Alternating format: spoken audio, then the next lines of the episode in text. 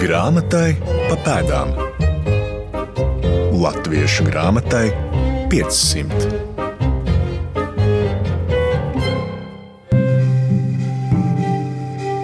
Labdien, grāmatu vēstures draugi! Jūs sveicina es, Toms Strēbergs. 1684. gadā Rīgā Johana Georga Vilkena tipogrāfijā iznāk čehu dabas pētnieka Georga Halīka grāmatiņa par augļkopību Verantingē, Liv un Ausländische Gartenbau - apvienotā vidu un ārzemju dārzkopība. Līdz mūsdienām zināmi vien divi šīs retās grāmatas pirmizdevuma eksemplāri Baltijā Viens no tiem Tallinas Universitātes bibliotekā, savukārt otrs glabājas Turaidas muzeja rezervāta krājumā. Tieši uz turieni arī šodien dosimies ceļā. Vien piebilstot, ka trešais eksemplārs rodams Upsāles Universitātes bibliotekā Zviedrijā. Pirms ķeramies pie sīkāka stāstījuma par šo darbu un tā autoru, vispirms Turaidas muzeja rezervāta galvenā krājuma glabātāja Līga Kreišmane izskaidro, kas ir Turaidas muzeja rezervāts, un tad arī sekos stāstījums par tā sastāvā iekļautajiem grāmatu krājumiem. Grāmatai pa pēdām.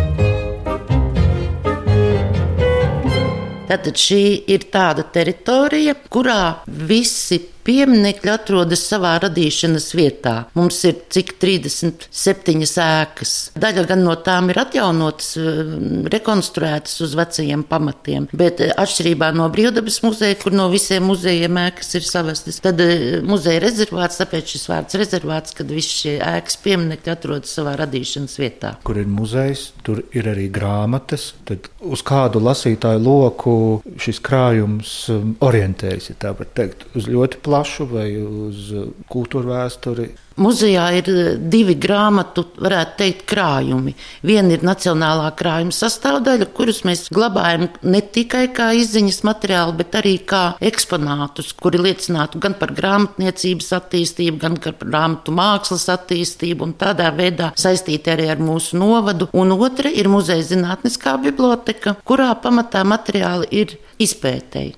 Tās grāmatas, kas ir paredzētas pētniecībai, un mazāk viņas ir domātas kā eksponāti. Mūsu muzeja grāmatas izmanto tā nav publiski pieejama biblioteka. Līdz tam mēs neesam. Varbūt šo zinātniskās bibliotekas daļu mums kādreiz izdosies padarīt arī par publisku biblioteku, bet tam ir savi noteikumi. Bet eh, gan krājuma grāmatas, gan bibliotekas grāmatas tiek izmantotas ļoti plaši. Tās izmanto sākot ar skolniekiem savos pētnieciskajos darbos. Pētnieki gan no Latvijas, arī no citām valstīm ir pie mums braukuši retos izdevumus pētīt, piemēram, kas arī mums ir tādi, kas nesastopami nekur citur Latvijā. Un šeit, kur mēs pašlaik sēžam, ir divas sadaļas, varētu teikt, iekārtot šī telpa tika tad, kad mūžībā aizgāja arheologs Jānis Graudonis. Un tāpēc viena daļa ir mantojums no viņa bibliotekas, otrs ir tas, ko esam komplektējuši paši muzejam, muzeja bibliotekai pētnieciskajai. Un, ja mēs runājam par tiešām tādiem eksemplāriem, kurus jūs piebildāt, ka viņi citur nekur Latvijā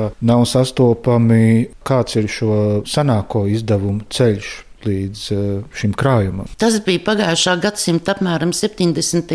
gados, kad muzeja darbinieki varētu teikt, ka iedraudzējās ar baltu filologu Aleksandru Jansonu. Varbūt esat dzirdējuši vīrs, kurš izglāba Nacionālo biblioteku, nu daļu no šīs bibliotekas. Ja? Un e, tie bija laiki, kad daļa no, mēs varētu teikt, no Latvijas inteliģences bija atgriezušies no izsūtījuma Daļai no viņiem nebija iespējas strādāt normālu darbu, ar viņu izglītību. Daļa jau bija gados, pensijas viņiem gluži saprotams bija ļoti mazas un iztikai nepietiekamas, bet eh, viņiem bija bagātīgas grāmatu krājuma mājās.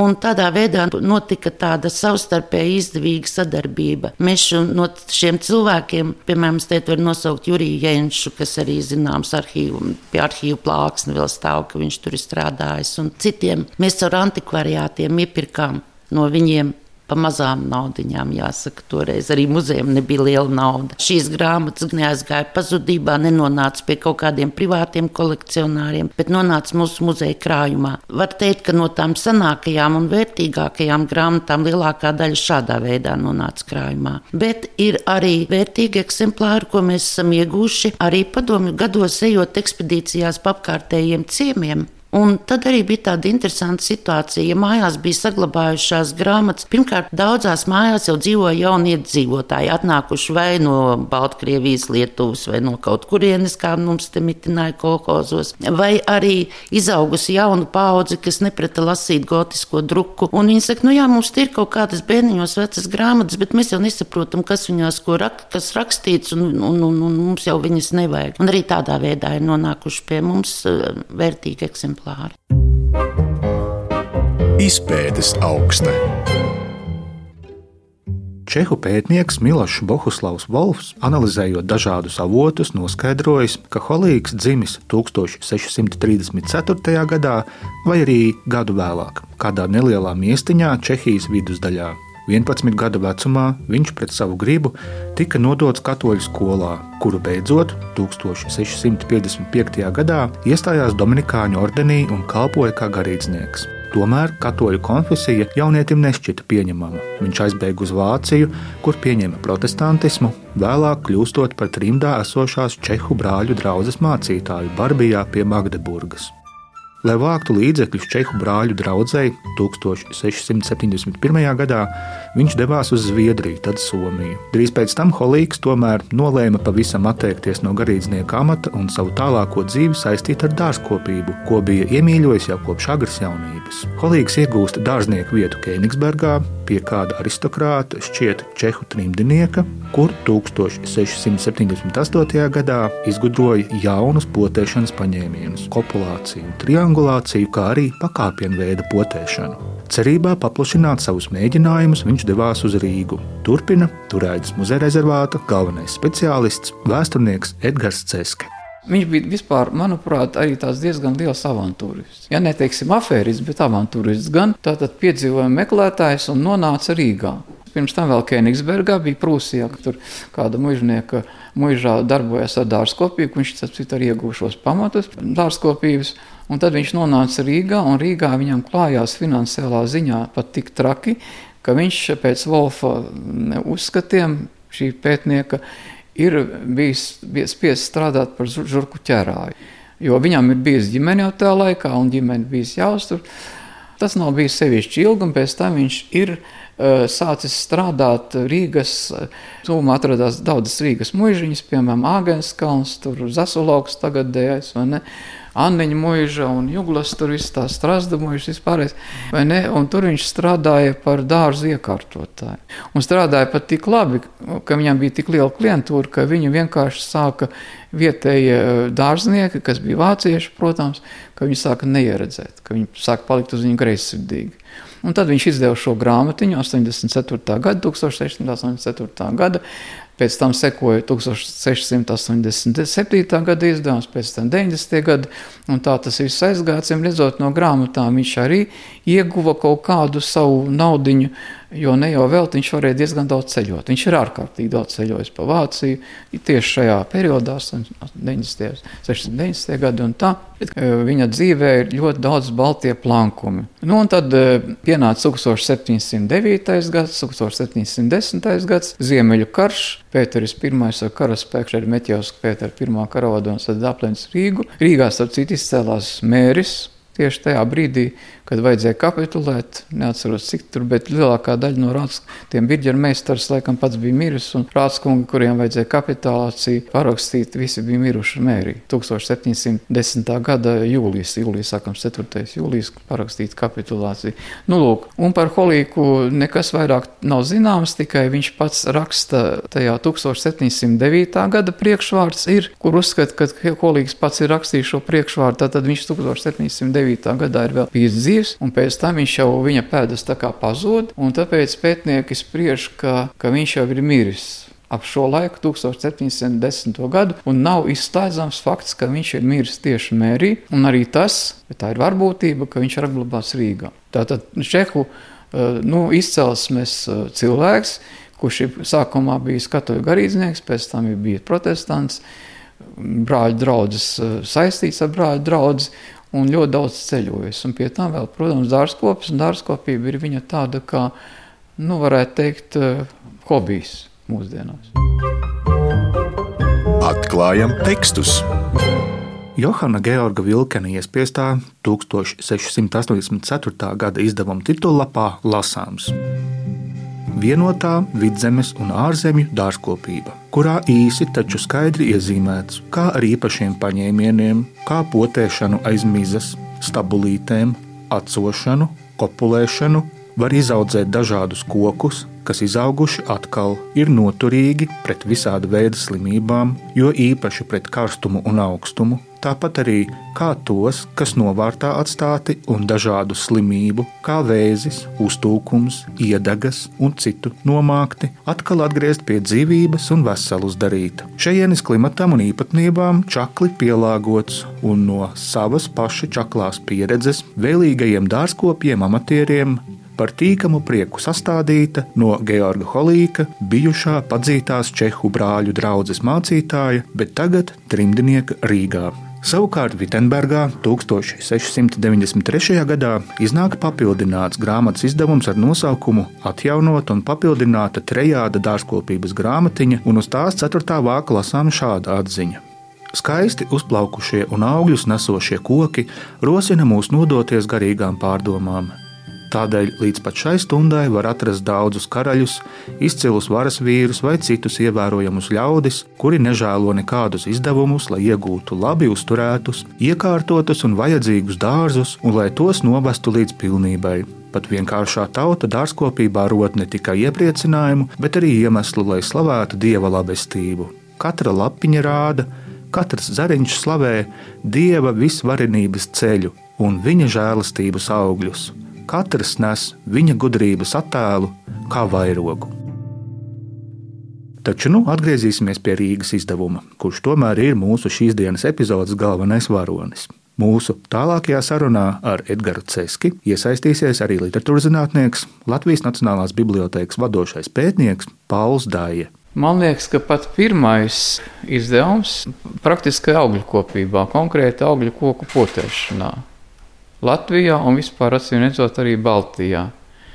Es uzsveru vārdu praktiskais, tāpēc, ka eh, teorētiski tādi izdevumi, protams, bija un tika izdoti Vācijā un citās valstīs, bet viņi bija ļoti tādi lieli, biezi folianti ar tur milzums daudz latīņu tekstu un citiem terminiem, kas bija ļoti grūti lasāmi, vēl grūtāk izmantojami konkrētam dārzkopim. Šis ir tāda ļoti, kā jūs redzat, ārkārtīgi parocīga grāmatiņa, ko var ielikt kabatā, svārku kabatā vai ne.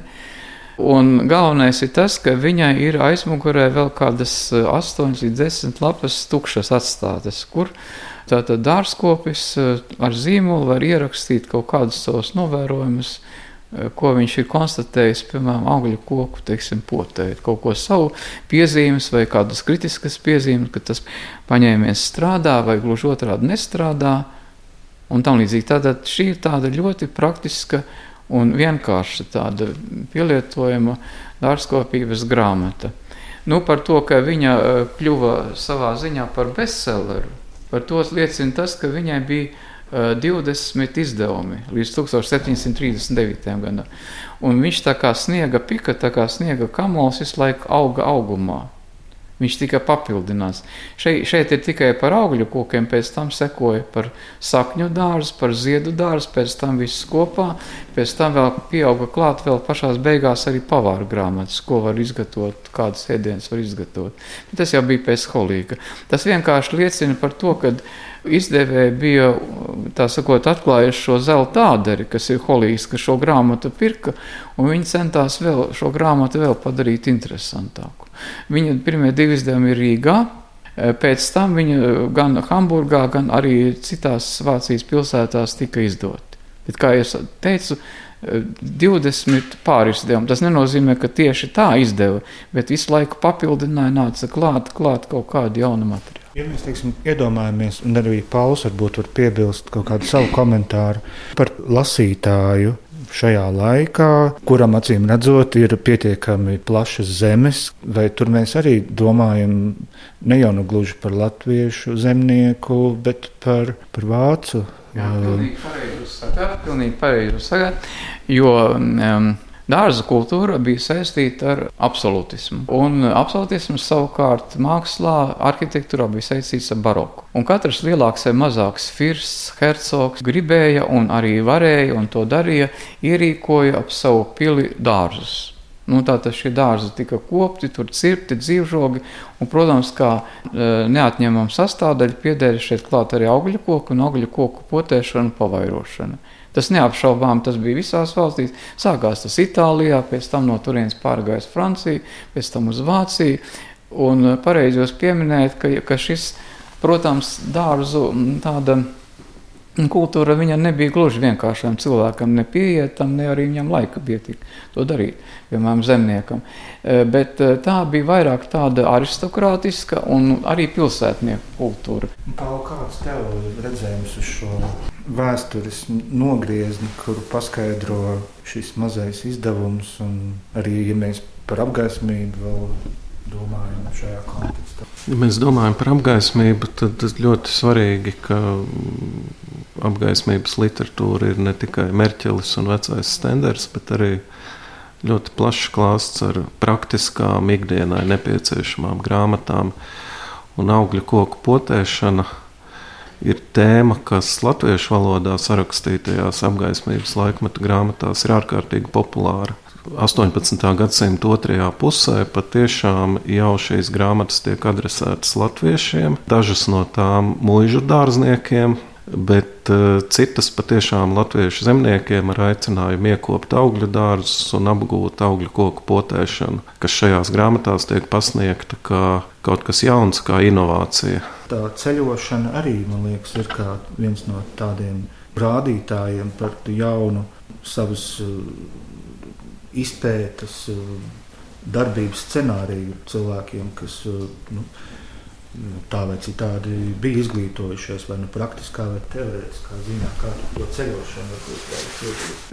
Jā, ceļošana arī apgaismības laikmetā piederēja pie pilnvērtīgas izglītības Un um, vairums izglītotu cilvēku bija ceļojuši pa Eiropu un smēlušies zināšanas. Protams, Baltijas kultūras vēsturē arī nozīmīgi, ka 18. gadsimtā Baltijas provincēs nebija savas universitātes, tāpēc tie, kas devās studēt, eh, lielākoties brauca uz vācu valodīgajām zemēm. Artefakta gaismā. Nu, iebrauksim nelielā tematiskā sānceļā. Pēc Līgas Kreišmanas lēstā 2020. gadā Turējas muzeja rezervāta krājumā glabājās 181 garīga un liturģiska rakstura izdevums - Bībeles, lūkšanu, sprediķu grāmatas, rokas grāmatas, baznīcas pērminderiem un tam līdzīgi. Senākais un unikālākais to vidū ir 1671. gadā izdotais Vidzemes Lutāņu rokas grāmatu un perikopju, proti, dievkalpojumos izmantojamo svēto rakstu fragmentu, ceturtais izdevums. Bet tikai Turaidas muzeja krājumā glabājas pilnīgs konvolūts, kurš sastāv no astoņiem aligātiem. Konvolūts ir vairāku neatkarīgu dokumentu vai iespiedarbu, proti, aligātu kopsējums. Tā nu uzlūkojam šo Heinricha Besemesera tipogrāfijā iespiesto darbu. Jā, tātad tas ir viens no tiem ratumiem, un jūs priekšā zvāka iekšējā redzēsiet arī um, ekslibri, vienu lapiņu atpakaļ. Mm -hmm. Ir šai grāmatē taču, jā? Nē. Nē. Es, es, es, man šķiet, ka zinu šo te jā, tas ir, ir Rīgas senatnes pētītāju biedrības ievērojumiem. Šeit nav ekslibris, bet mēs pēc tā jā, zīmītes un zīmoga. Jā, un pēc zīmoga. Un arī spiekloks. Jā. Tā ir tāda rokas grāmata Luterāņu ticīgam cilvēkam. Tā varētu jā, teikt, vai ne? Lielais apraksts ir katalogs. Jā. jā. Nevis zemnieki Zemnieki viņus nelasīja, lasīja mācītāji, kuri ne visi prata un ļoti labi latviešu valodu. Tā kā vienlaicīgi arī tā bija mācību grāmata latviešu valodā. Un arī palīga līdzeklis, varētu teikt, arī metodiskais dievkalpojuma vadīšanā latviešu valodā, jo tāda līdz tam nebija izdots. Jā, 1673. gads uh, Heinricha uh, Bresenera, Besemesera drukātava un izdošanas nams Rīga. Tā tad arī evaņģēlija un epistolas visam gada garumam, dziesmas, skumjā vēsture Erbrandt, die traurige Historie der Erbarm. Cerfolung der Stadt Jerusalem. À, tā tad uh, 40 gadu trimdas piedzīvotais. Skumjā vēsture par Jeruzalemes izpostīšanu. Ah, skumjā vēsture par Jeruzalemes izpostīšanu. Tad mazais Lutera katehisms un arī Georgs Mancels ir pieminēts. Sanāk, ka tas Manceļa teksts ir, tā ir viņa autorība pieminēta tieši šai konkrētajai nodaļai. Vai to zināt? Nē, es labi nezinu. Jā, redziet, un šeit jau viņas ir nevis 8, bet 7 te konvolūtā ir, ja? 71. gadā divas izdotas un 3 vai 472. gadā. Tā, un kur tad mums ir Klēnšmits teikt? Luters Mārtiņš. À, nu tad ir acīm redzot, ir ielikta viena, nu jā, Iesieti uh, septiņi dažādi izdevumi vienos vākos, principā. Jā, nu jā. Te var arī redzēt šo te uh, drukas atšķirību, mm -hmm. jā, salam, zālam un augstā dziesma, ja es nemaldos. À, tā tad tie ir sakām vārdi. Jā. Vārdi, mm -hmm. ja? Tā, tā tad uh, bija uh, Z4 formāls, durvdienolā. Kā, kādreiz, jau agrāk, Georgs Mancelis, teoloģijas licens, Firstlika Kurlandiši, tātad Kurlandes Firsta, tas ir Kurzemes hercoga galmas, galma mācītājs, Letišes latviešu valodā ir izdevis. Tātad Zālamana nu mācītājiem, nu, Zālamana sakāvārdu pēc mm -hmm. tā, kā to kādreiz izdevis, ir Georgs Mancelis. Nu, mehr aber mit uh, Fleisch. Tātad, tagad, tur, tagad savukārt ar čaklumu ir vēlreiz caurskatīti un no Meklikstenfe, Stenge.